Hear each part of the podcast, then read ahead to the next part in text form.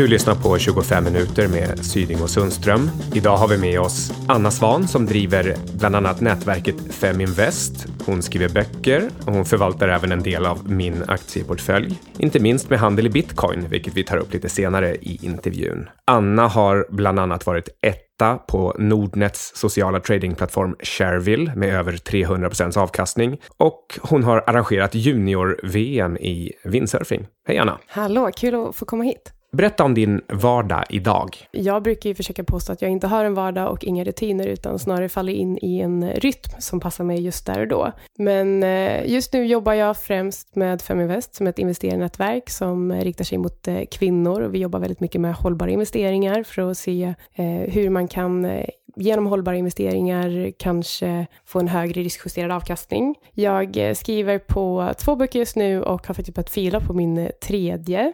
Och sen så, eh, ja men jag förvaltar lite åt dig och du kallade det för aktieportfölj men eh, det är ju faktiskt inte alls det. Det är ju lite mixat i den där. Men ja, så har jag för mest Direkt som en podd och webb-tv-show och bloggar också på eh, annasvan.se. Du säger ju här att du faller in i en viss rytm. Gör det då att du planerar veckorna olika vecka till vecka eller har du någon slags särskilt sätt som du lägger upp dina veckor på? Nej, jag tror att det jag menar med rytm är att jag funderar på vad jag tycker är roligt i livet och sen så gör jag helt enkelt mer av det. Nu har jag turen att tycka att eh, produktiva saker är roliga. Jag älskar att skriva till exempel, så då ser jag till att hitta mer tid i min vardag att, eh, att skriva. Så det är vad jag menar med rytm. Sen så försöker jag att inte ha massa inrutade mönster som jag måste göra varje dag, utan eh, faller in i det som passar just det uppdrag som jag har just då. Var lägger du mest tid? Oj, svår fråga. Men äh, självklart på Feminvest. Det tar ju det tar väl absolut mest tid. Men sen så är det väl verkligen skrivandet. Hur började du på Feminvest? Det är en ganska kul historia. Du nämnde det här med Shareville och jag tycker inte att man ska leva på gamla meriter, men det var ju egentligen där allting började. Jag hamnade etta på äh, Sharevilles äh, plattform, som är via Nordnet och började jag blogga om min egen handel. Det är väl typ två år sedan. Då hörde Feminvest av sig och frågade om jag ville bli ambassadör. Så det blev jag. Så jag började skriva krönikor och prata lite om Feminvest och sådär. Och sen när jag i december för ganska exakt ett år sedan flyttade upp till dig så eh, skulle jag egentligen bara jobba med eh, Ekonomista, min egen handel och eh, mina böcker. Men då blev jag också tillfrågad att ta över Feminvest som projekt och så tänkte jag att det var faktiskt den fråga jag driver eftersom att jag hade varit ambassadör så pass länge så tyckte jag att det var kul att ta över. Så jag har verkligen gjort min egen grej av det.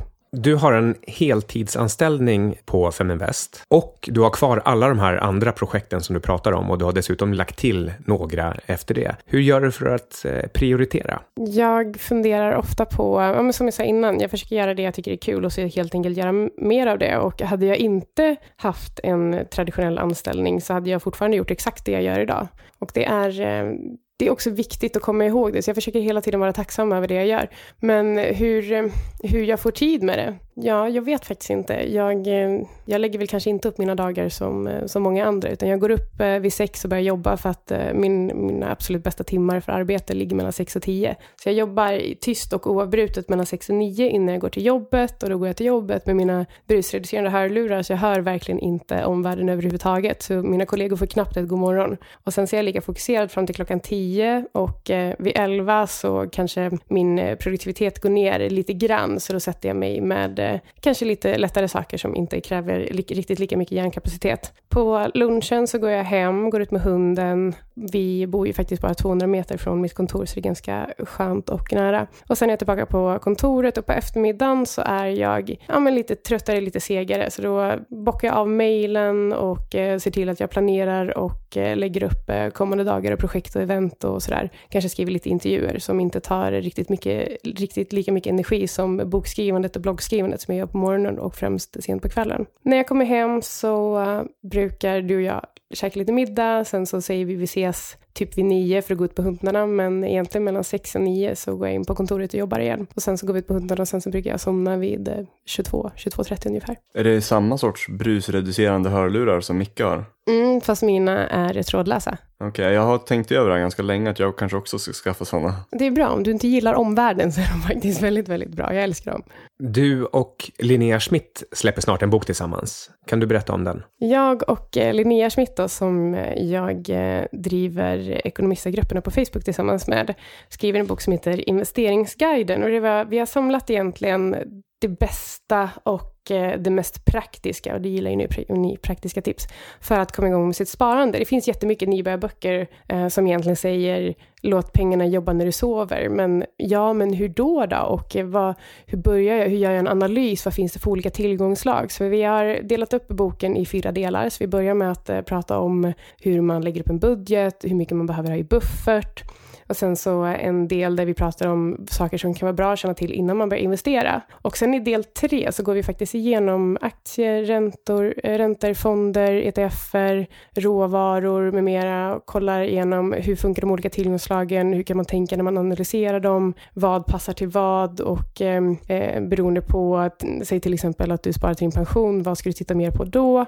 Och sen så går vi också igenom eh, hur man gör en fundamental analys och har en mall för det så att man sen kan använda den i sin egen, eh, egen handel. Hur mycket ska man ha en buffert ungefär? Har ni något särskilt mått eller tal eller så här typ procentandel som ni rekommenderar? Vi har en bra uträkning faktiskt i boken där vi eh, drar att man, man säger att eh, förvänta dig att det kanske tar tre månader. Om du blir uppsagd från ett jobb så förvänta dig att det kan ta tre månader för dig att få ett nytt jobb. Och beroende på om du kanske har a-kassa eller inte så behöver du ha en buffert som, som motsvarar eh, din heltidslön i tre månader. Om man sen tänker på hur man gör en analys, det är såklart olika beroende på vad man kollar på. Men finns det några saker som är lika oavsett vad man gör som du kollar på? Det är också svårt. Just i boken så den analys, eh, analysmallen som vi har där har vi faktiskt tagit fram tillsammans med Micke.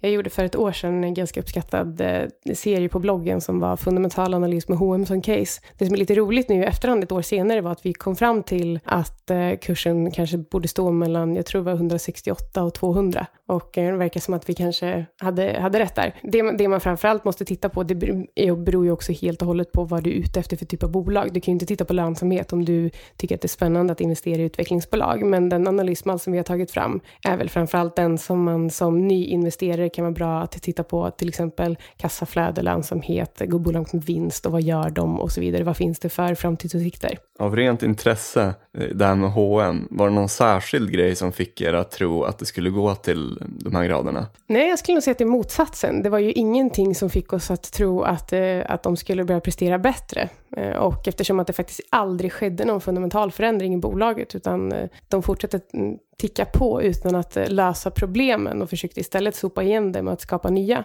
workarounds istället för att faktiskt lösa problemen med eh, framförallt IT-infrastrukturen. Och eh, därför trodde vi att så länge det inte kommer någon eh, riktig rejäl lösning så kommer det heller inte bli bättre utan bara, bara sämre. Men jag glömde säga att den absolut sista delen i boken, den kallar vi för portföljinspiration och då går vi också igenom lite olika typer av portföljstrategier för att visa på att det finns ungefär lika mycket investerings strategier som det finns investerare. Det kan också vara bra att veta att det finns liksom inga rätt eller fel. Var det svårt att skriva boken? Svårt och svårt. Nu får man säga nej.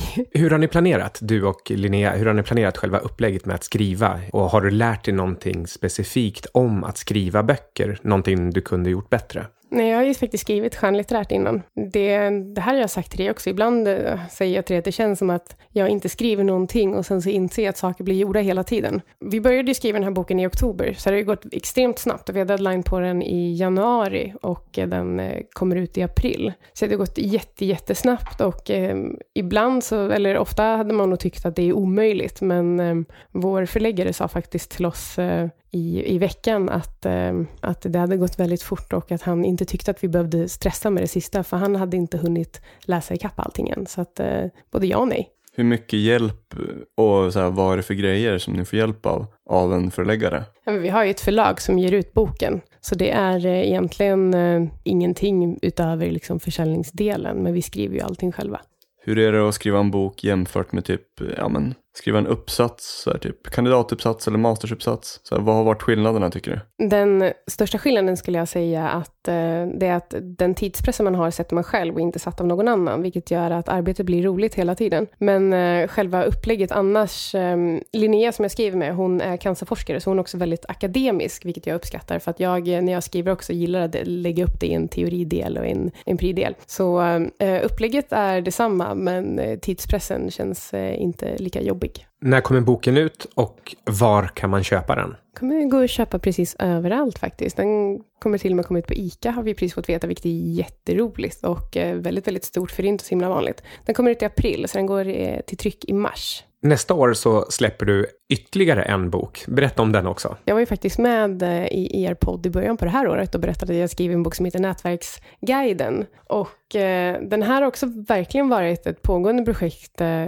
under året, men eftersom att jag skriver eh, Investeringsguiden mot, med, ihop med Linnea så har den fått eh, ligga på paus. Där fick jag idén eh, när jag letade efter en bok om just nätverkande i Sverige. Så fanns inte det, så tänkte jag att då får jag skriva en själv. Och det mm, är också ganska typiskt mig, att om, om det inte finns en lösning på problemet så löser jag problemet själv. Så den handlar egentligen om hur man, eh, hur man bör tänka när man bygger stora nätverk och eh, hur man bör tänka kring sina relationer. Jag tror att det finns nog de som kommer tycka att jag är ganska kall, för jag säger också att eh, man bör utvärdera alla relationer och fundera på om, om det ger mig någonting och om jag tillför den här relationen någonting. För att du är ju ett resultat av dina fem närmsta vänner och då måste du också se till att de här fem närmsta faktiskt är bra personer och inte några som, som bara finns där för att de alltid har gjort det men egentligen inte förtjänar det. Och då menar jag inte att man ska göra slut med vänner för att de inte kan ta dig framåt, det är inte alls det jag menar, utan eh, den här, det här utbytet kan absolut vara energier och så vidare också. Men man, jag tycker att det är viktigt att man utvärderar sina relationer så att man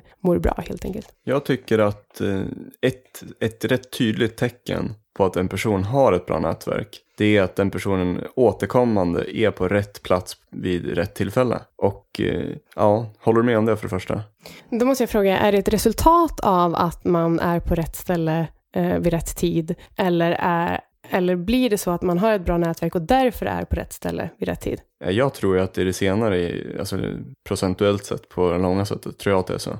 Jag tror, att, eh, jag tror faktiskt att man måste börja med att försöka vara på rätt ställe vid rätt tid, men att det sen så blir lite som en snöbollseffekt. Så ja, men jag håller med dig, absolut. Mm. Och då, så här, då har jag en följdfråga på det, och det är hur ska man göra för att hamna i den där sociala nyckelpunkten så att det blir lättare på sikt att fortsätta liksom procentuellt sett hamna på ett ställe där möjligheter bara faller, faller en i knät. Jag har faktiskt ett väldigt bra exempel på det. Eh, jag har eh, under hösten så konstaterade jag att oh, jag skulle vilja äta frukost med inspirerande personer. Så då bokade jag in en frukost med inspirerande personer och eh, sen så tänkte jag att varför begränsa mig till en eller två personer per tillfälle. Så nu är vi ett eh, gäng av eh, entreprenörer och liknande som eh, ses på fredagar, äter frukost, pratar om livet, pratar om företagsbyggande och så vidare. Skapa den situationen du vill ha. Det är faktiskt inte speciellt mycket svårare än så. Mm, det där är ju sjukt smart, liksom bara göra det som en del i en ja, veckorutin.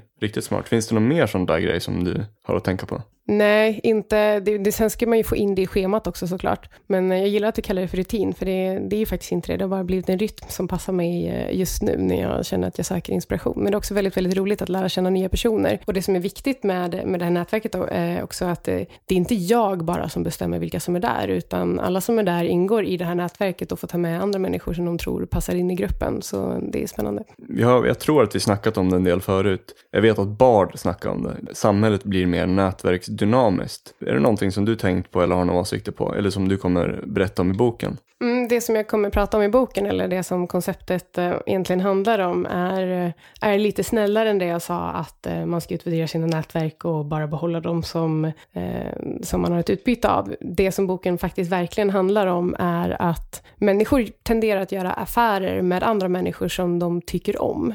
Och se då till att du tycker om rätt personer, att rätt personer tycker om dig. Och se till att vara snäll och se till att hjälpa till och avfärda inte någon för att de inte har någonting att erbjuda just då. Jag tycker att Adam Grant eh, sätter så bra ord på det, för att han delar upp personer i givers, takers och matchers. En giver ger ovillkorligt och eh, säger att ja, jag hjälper dig med det här för att du behöver den här hjälpen och för att du kommer till mig och förväntar sig ingenting eh, tillbaka. Medan en taker liksom armbågar sig fram och tar saker och eh, kanske sätter sig på folk och slår sig fram eh, till varje pris. Medan matcher säger ja, jag gör det här för dig, men då får du göra det här för mig. Och om man tittar då på lång sikt så är eh, givers de absolut mest framgångsrika personerna. En taker blir framgångsrik på kort sikt, men det fallerar i längden när, när de står där ensamma och faktiskt inte har någon att ta hjälp av. Och en matcher, den, en matcher är väl den typiska mellanchefen som undrar varför det inte gick så bra för han som eh, det har gått för alla andra. Hur gör du själv för att utvecklas i allting du gör? Vad använder du för återkopplingsstrategier eller anteckningar eller andra verktyg? Jag utvärderar allting jag gör och ser till så att jag tycker att det jag gör är roligt.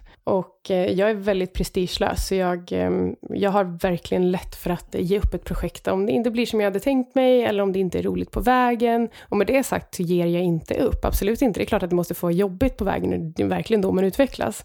Men i det stora hela så skulle jag ehm, aldrig göra saker bara för att det hade gjort mig framgångsrik eller bara för att jag hade tjänat mycket pengar på det. Utan jag utvecklas genom att, ehm, att göra det som jag mår bra av och tycker är kul helt enkelt. Skriver du upp saker? Har du en commonplace? Eh, har du en dagbok? Hur, hur gör du för att verkligen hålla ordning på det du gör? Jag berättade ju faktiskt för dig i somras att jag eh, har börjat skriva eh, varje dag i ett Scrivener-dokument. Där jag har, och det är också skrivit på engelska för att jag ville bli bättre på engelska. Så jag skriver på engelska som dagboksanteckningar varje dag. Vilka jag har träffat, vad jag har lärt mig och vad jag, vad jag tänker om det som jag har lärt mig under dagen. Och det har också verkligen hjälpt mig mycket för då kan jag gå tillbaka och se att tyckte jag verkligen att det här var en bra idé från början och vad var min plan med det här? Trodde jag att det var en bra idé och varför trodde jag inte det och hur, hur kan jag utvecklas framöver? Så att det har verkligen hjälpt. Är det återkommande den här mallen du kör på eller kan det vara olika från dag till dag? Det är faktiskt väldigt olika, men det är också det. Hela, hela mitt liv är en strategi som process och, och jag ser till att inte ruta in mig i mönster där, som jag fastnar vid och sen har svårt att bryta, utan jag gör det som funkar för dagen och det har varit väldigt framgångsrikt för mig. Tänker du aktivt i termer av erkända mentala modeller och eh, kognitiva benägenheter? Mm, jag tror ju att om man går hela livet och letar i böcker och på internet efter modeller som man kan applicera på livet, så missar man faktiskt livet. Så jag försöker att, eh, att utvärdera varje dag och varje sak var för sig och eh, det finns ju faktiskt en erkänd modell som heter strategi som process och strategi som plan.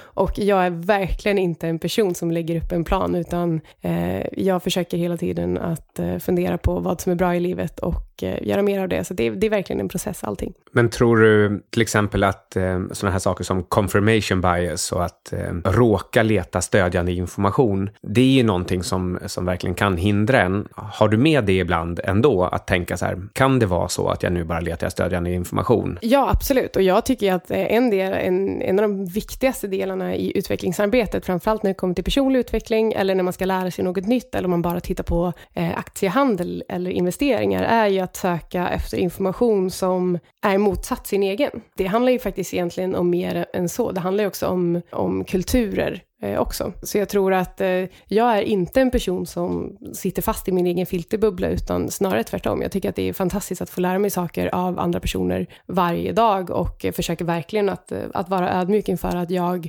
oftast inte har rätt. Och har jag fel, det betyder ju bara att jag har lärt mig något nytt och det är ju faktiskt positivt. Jag skulle vilja gå tillbaka lite till det här med nätverkande där. Så här, en situation som jag tror många sitter i, det är att eh, ja, men de har ett ganska normalt liv, de är kanske med i någon slags Facebookgrupp, kanske med på något forum eller någonting. Men det är ingenting som liksom, det blir ingen så kallad snöbollseffekt. Det blir ingenting som så här, oj nu har jag en position här inom det här communityt. Så här, om vi säger att, den, att du är den personen som sitter på ett forum eller på en Facebookgrupp, för du har ju faktiskt erfarenhet av att ha en stor Facebookgrupp också. Dels var ett vanligt misstag som folk gör som hindrar dem från att göra någonting större, just så här när det kommer till träffa rätt personer. Men också, hur skulle du gjort om du började från början i den positionen? Det här är jättebra, för jag vill faktiskt koppla ihop det Micke precis sa om confirmation bias och eh, din breaking out of homeostasis. Den borde ni läsa också om ni inte har gjort det. Men det jag tänker är att eh, många sitter nog fast i, eh, i relationer, alltså vänskapsrelationer och arbetsrelationer och eh, även eh, kärleksrelationer för att de är bekväma. Och där behöver man använda sig av Ludvigs verktyg för att bryta sig ut i det här och träffa nya personer. För om du alltid bara träffar samma personer så kommer det aldrig någonsin hända något annorlunda i ditt liv. Så bryt dig loss helt enkelt och eh, det är nog mitt eh, absolut bästa tips. Sluta sitt fast i din filterbubbla av nätverk och eh, gör något nytt helt enkelt. För att om inte du gör något nytt så kommer det inte hända något nytt heller. Vart vill du komma? Vad är det du vill uppnå egentligen när du själv bryter dig loss ur homeostasen? Vad är ditt slutmål? Jag har inget slutmål. Jag vill, jag vill bara att... Jag bara, jag bara tycker att livet är ganska härligt och tar tillvara på det helt enkelt. Och en av de saker som jag tycker är härligt med livet är att träffa nya människor och lära mig nya saker. Så se till att göra det så mycket som möjligt på olika sätt. Jag höll på att säga om du fick en miljard av mig, men vi säger så här, om du får en miljard till av mig och ett år på dig att avsluta dina åtaganden, hur inleder du 2019 då? Jag behöver inte en miljard, men, eh, men tack ändå. Eh, och jag vet inte riktigt eh, varför jag ska ha ett år på mig att sluta mina åtaganden. För att, men okej, låt oss säga att eh, jag skulle börja på absolut noll men med en miljard och det är första januari 2019. Då tänker jag mig att eh, vi eh, gör pannkakor till frukost och sen går ut med hundarna eh, ner till Humlegårdsparken i det helt perfekta vädret. Och eh, sen sätter jag mig och skriver på en bok och eh, du spelar in en podcast med Ludvig. Det är, det är ungefär det som jag tänker att jag vill göra i så fall. Så inte så stor skillnad mot, eh, mot nu med andra ord. Det här är ju, nu ljuger du. Du har ju förut sagt att du ska göra ett underjordiskt laboratorium med genmanipulation och grejer. Om du berättar det för alla Ludvig, vad hemligt. Vi kan prata lite mer om förvaltning. Du bor ju ihop med universums genom tidernas absolut största douchebag. Hur är det att förvalta hans portfölj? Här kan vi faktiskt snacka om mål med livet. Eh, Jag tänker att just nu jobbar jag på att bygga upp ett för- ett förtroende tills han, tills han har gett mig alla sina pengar. Då kommer jag köra supermycket leverage och göra av med allt. Det är min plan, just eftersom att han är universums största douchebag. Om man tänker på det här med personlig utveckling, någonting som verkar ganska inrutat i liksom hur du lever, att det, det kommer ganska naturligt. Så vad är, vad är någonting du kämpar med just nu? Eller som du kommer hålla på och fortsätta arbeta med under närmsta månaderna kanske? Jag berättade ju innan att jag har börjat punkta upp idéer för min tredje bok och jag har faktiskt tänkt att jag ska skriva den på engelska. Jag skriver, de svenska böcker som jag skriver och har skrivit har jag skrivit extremt snabbt och jag är ganska duktig på att skriva. Och eh, för att nå en större publik och nå ut med mitt budskap så är det också viktigt att skriva på ett annat språk och jag tror att skriva den tredje boken på engelska som egentligen handlar om marknadsföring och bolagsbygge eh, i framtiden. Jag tror att eh, då, då tjänar jag ganska mycket på att skriva på engelska, både för min egen del och för, för andras. Det finns ganska gedigen forskning som visar just att om man är tvåspråkig, om man jobbar med två språk, då skjuter man upp till exempel Alzheimers med ungefär 20 år. Vad, vad ska jag göra det för? Det är väl bra om jag får det 20 år innan dig. Jag har ju skjutit upp min på evig tid. Du har tittat en del på onoterade företag. Eh, Vad är din erfarenhet av det här? Vad ska man tänka på? Vad har du tänkt på? Vad har du lärt dig? Oj, vad spännande. Eh, att det finns eh, mer information att hämta än den man får. Eh, nej, men jag gjorde faktiskt min eh, första onoterade investering i somras i ett bolag som heter Style by Moosh och eh, nu under 2018 kommer det hända jättemycket roliga grejer och när jag gjorde den här investeringen så var det faktiskt en nätverksinvestering. Så det här var absolut inte ett case som eh, förväntades eh, avkasta ett visst antal procent eller att jag skulle tjäna supermycket pengar på det utan det handlar om att eh, jag tror att de kan ha extremt stor användning av eh, mitt nätverk och eh, jag tycker framförallt att eh, deras eh, affärsmodell och bolag är jättespännande att få följa med på resan. Det där tycker jag är smart för det är, det är lite okonventionellt, okonventionellt sätt att tänka på. Och du ser liksom långtidseffekter istället för bara kortsiktig avkastning i pengar. Men jag tänker så här, hur hittar du de här onoterade bolagen? Eller rättare sagt, vart letar du?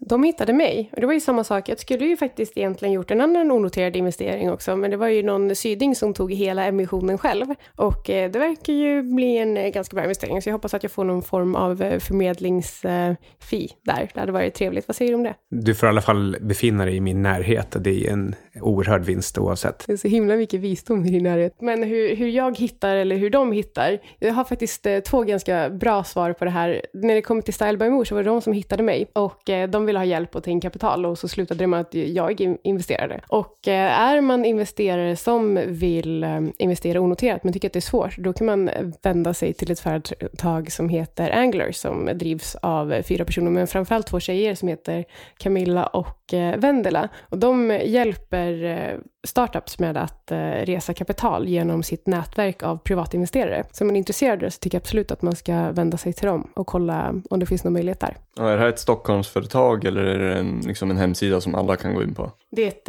eh, bolag i Stockholm och de är ganska restriktiva med investerare för att de vill ju ha ett nätverk av, eh, av bra investerare som faktiskt har finansiell styrka också så att de kan investera. Jag tänker, om man går tillbaka till det här med personlig utveckling och sådär. Vad har varit en stor vändpunkt för dig det här året? Eller är det någonting som varit liksom svårt som du behövt kämpa med verkligen medvetet? Ändra? Alltså jag är nog verkligen en helt annan person nu mot vad jag var i januari samma år. Den största förändringen har varit att jag bestämde mig för att jag måste sluta bry mig om vad folk tycker för att jag kan inte anpassa mitt liv efter andra. Så um, en, en stor skillnad. Tidigare kan, kunde jag nästan bli ledsen om någon sa något taskigt på Twitter, men nu skiter jag fullständigt i det. Så jag tror att, um, och en av, de, en av de grejerna som verkligen har, har hjälpt mig, det var en, en gemensam vän till alla oss faktiskt, eh, gav, eh, gav oss en bok om eh, taoismen. Och eh, efter att ha läst den så har jag verkligen insett, framförallt det är också mycket det som har gjort att jag har slutat tänka i banor av rutiner och mönster och istället försöker hitta rytm som passar mig och att den här rytmen kan fluktuera. För att om du inte har massa rutiner och mönster, då har du inte heller massa rutiner och mönster som är svåra att bryta, utan saker och ting bara är som det är och blir som det blir. Och det kan låta lite flummigt, men eh, det har verkligen hjälpt mig. Så du, du menar typ att du sätter inte upp onödiga ursäkter som du måste arbeta igenom. Eller du ger inte onödiga anledningar utan så här, du, du, du utgår från att det finns helt enkelt inga från början. Exakt. Okej. Okay. Va, va, var det något mer från Tao-boken eller Tao-filosofin som så här resonerade och fick dig att känna att ja, men jag behöver inte bry mig om vad andra tycker om jag är liksom på tv och de säger någonting dumt. Eller om jag sitter på Twitter och folk säger elaka saker till mig. Det som är så intressant med Tao är att man brukar säga att om du tror att du förstår Tao så förstår du inte Tao. Men eh, det som, eh, det som är ganska tydligt genomgående i boken är att man ska hitta sin inre styrka och, sin, eh, och hitta mm, värdet i sig själv och eh, inse att det är viktigare än vad andra tycker om dig. Så så länge du har värderingar som du verkligen kan stå för så spelar det faktiskt ingen roll om någon annan har andra, för det är upp till dem och då är det jättebra att de är bekväma med dem. Så hitta, hitta dig själv helt enkelt och och följ, och följ dina värderingar och följ dina styrkor och eh, fundera över vad du känner och utgå ifrån det. Och eh, var alltid ödmjuk. Jag tycker också att ett, ehm, en gemensam faktor mellan mindfulness och, och tao och meditation, som också knyter an till det här du säger om att eh, hitta sig själv, det är att vara i exakt ett ögonblick, vara i, i nuet. Då har man bara sig själv och den känslan man har i nuet. Och om man inte grämer sig över det som har varit eller oroar sig över det som ska komma, då har man bara just sin egen känsla. Och just då så spelar det ju verkligen ingen roll vad någon har sagt på Twitter. Nej, och det är kul att du säger det, för att du sa att oroa sig över framtiden. Det finns faktiskt en annan aspekt också att ta hänsyn till. Eh, som vi pratade tidigare om, att jag inte har något superstort mål för framtiden som jag hela tiden aktivt kämpar för. Och jag vill egentligen inte bli bäst på någonting. Jag vill, jag vill bara vara lycklig. Och då ser jag till att jag gör saker som jag mår bra av. Och just nu har jag en tillvaro där jag älskar precis allting jag gör. Och det är också viktigt då, för att hade jag haft ett stort mål som jag hela tiden strävar efter, då hade jag faktiskt missat alla de här små saker i vardagen eller livet livet som, som också är liksom små vinster och små mål. Och då går man istället miste om själva livet. Ska vi hoppa till någonting eh, riktigt stort och allvarligt nu så är det den ojämna könsfördelningen i styrningen av företag. Vad tycker du om det här? Att eh, det inte är 40 eh, minst 40 procent kvinnor i alla styrelser. Ja, till exempel. Jag tycker det är märkligt att mäta jämställdhet på en sån endimensionell datapunkt, men eh, så jag har ingen åsikt. Men däremot så är det ju inte jämställt. Jag tycker att det är svårt, även om jag jobbar med det här, så tycker jag att det är så himla svårt att prata om det, för att jag, jag vill inte ställa mig och säga säga att det är männens fel eller att kvinnor är mycket bättre. För att jag tycker att vi är enskilda individer och vi måste alla ta ett ansvar och hjälpas åt och se till så att alla får plats där deras kompetens är som bäst. Det finns liksom ingen bra lösning på, på det här problemet med jämställdhet. Men en sak som vi måste sluta med är att beskylla varandra och ställa oss i grupper och, och framförallt om det nu är så här att män har en maktposition i samhället och kvinnor inte har det, då är det väl inte en bra idé av kvinnor att sparka uppåt. För vilka män kommer då vilja släppa in dem i till exempel styrelser, om det är nu så man mäter jämställdhet? Vad tycker du om att staten lagstiftar om inkvotering av kvinnor i privata företag? Jag tycker att det är fruktansvärt. Eh, och jag tycker att det är, eh, är ett övertramp både mot, eh, både mot jämställdheten och mot privata företagsledare. Har du någonting annat du skulle vilja ändra i samhället? Det kan vara, alltså det ska ju helst vara någonting relativt rimligt och fysiskt genomförbart. Men då är det nog det, att, att sluta kategorisera människor i grupper och se oss till individer istället. Jag tror att man behöver lyfta blicken och då behöver vi gå utanför vår, vår filterbubbla. Hur gör du för att bli bättre på det som du redan tycker om eller är bra på? Har du någon strategi eller liksom metod som, så här, när du tänker att nu har jag hittat någonting som jag tycker om eller är bra på och nu vill jag göra det bättre? Eh, det är lite roligt för jag läste Peak och eh, då insåg jag att eh, jag faktiskt redan gör deliberate practice. Och om jag hittar någonting som jag är bra på och som jag vill bli ännu bättre på och som jag dessutom tycker är roligt, då ser jag helt enkelt till att göra mer av det fast på nya sätt som utmanar mig. Så jag ser till att det är lite, lite jobbigt hela tiden. Och ni pratar ju faktiskt om att det här med att tänka och att tänka på riktigt kan vara jobbigt. Jag försöker se till att, att det jag gör faktiskt är utmanande för att jag tror att det är då jag utvecklas. Nu nämnde du boken Peak av eh, Anders Eriksson. Du har tidigare nämnt eh, programmet Scrivener för att eh, skriva böcker. Har du fler tips på eh, böcker eller program eller Twitterkonton att följa? Jag tycker att man ska följa mig på Twitter. Det finns någon som heter Ture Masing också, men han lägger mest upp trams. Om man vill se riktigt bra teknisk analys på bitcoin, då är det, då är det absolut mig man ska följa. Nej, skämt åsido, jag eh, det är så svårt, eh, för att sätta upp en lista på massa program som man vill använda, det är ju precis som att leta efter processer som man ska försöka applicera på livet. Och eh, som jag har sagt hela tiden, jag gör olika saker, men jag gör det som funkar just där och då. Men Scrivener hade jag inte kunnat skriva böcker utan. Och eh, jag Ja, nej. Eh, Scrivener och min eh, mail skulle jag säga är, eh, är det absolut viktigaste som finns i mitt liv. Mm, men nu, nu är det snart ett nytt år, 2018. Och eh, om man jämför med 2017, kanske så här när du gick in i det året och tänkte så här, det här, det här är några grejer som jag vill fokusera på det här året. Om man sen tänker nu till det här nya året, vad är några saker som du tänker att nu så ska jag göra annorlunda jämfört med hur jag gjorde innan? Jag är ju ett fan av effektiviseringar och en sak som jag har märkt, nu har jag varit eh, egentligen typ sjuk sedan vi var i USA för två, tre månader sedan, två månader sedan.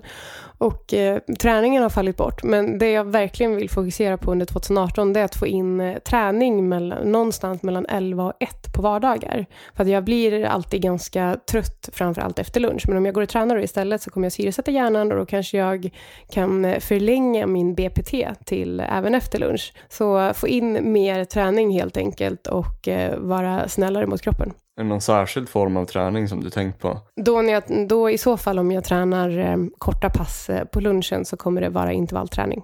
Nu lovade vi faktiskt att vi skulle återkomma till det här med, med bitcoin. Bitcoin har nyligen fallit från precis under 20 000 till lite under 13 000 på ungefär ett dygn. Tycker du att man ska köpa här kring 13 000? Ja, på vilken horisont då tänker du? Några år. Åh, vad bra. Tack, tack för den. Det, det, beror, det beror väl helt på. Ja, jag tror att, jag tycker att det är fånigt att avfärda bitcoin som eh, en fluga. Det är lite som när man sa att internet var en fluga. Fick vi i och för sig en it-bubbla ändå, men jag tror att det vi kan se nu är någon form av blockchain-bubbla. Men jag tror absolut inte att man ska förväxla det med att kryptovalutor inte är framtiden. Sen om det är bitcoin eller inte, det är väl svårt att veta. Eh, jag har bitcoin och eh, Eh, du har bitcoin i din portfölj och ehm, nu är den positionen så pass liten så det gör ingenting om den går ner, om den går ner på noll. Men eh, ja, eh, jag, jag äger bitcoin så då får jag väl säga att andra också borde göra det, men väldigt liten del. Har du några förebilder, någon som inspirerar dig? Och i sådana fall, vad har du tagit från de här personerna?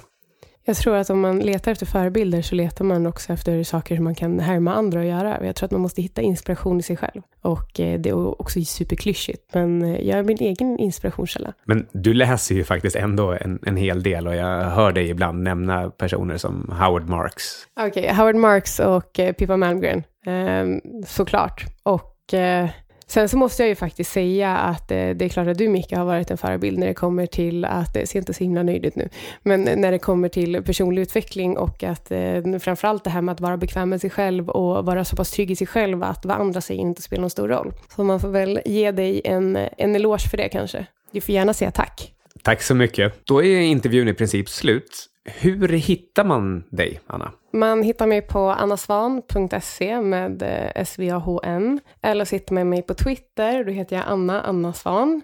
Ja, det är väl där. Eller på Instagram, annasvan.se. Och eh, Ja, men det, eller på feminvest.nu såklart också. Den allra sista frågan. Du var alltså med och startade upp en surfklubb för att arrangera junior-VM i vindsurfning, Hur bra är du på att surfa? Man ska ju alltid göra saker utanför sin comfort zone. Eh, och jag hade aldrig stått på en surfbräda när jag startade den här klubben. Eh, vi blev ändå utsedda till eh, Sveriges bästa surfklubb det året, vilket var förra året. Faktiskt sjukt nära i tiden. Och jag kan fortfarande inte surfa. Jag tror att jag har surfat ungefär två gånger. Och det här onoterade, där Micke snodde hela missionen, det var faktiskt också ett surfföretag. Så jag vet inte, det är kanske är dags för mig att lära mig. Då tackar vi så mycket. Tack Anna. Mm, tack Anna. Tack. Avsnittet producerades av tradevenue.se och klipptes av Johan Olsson.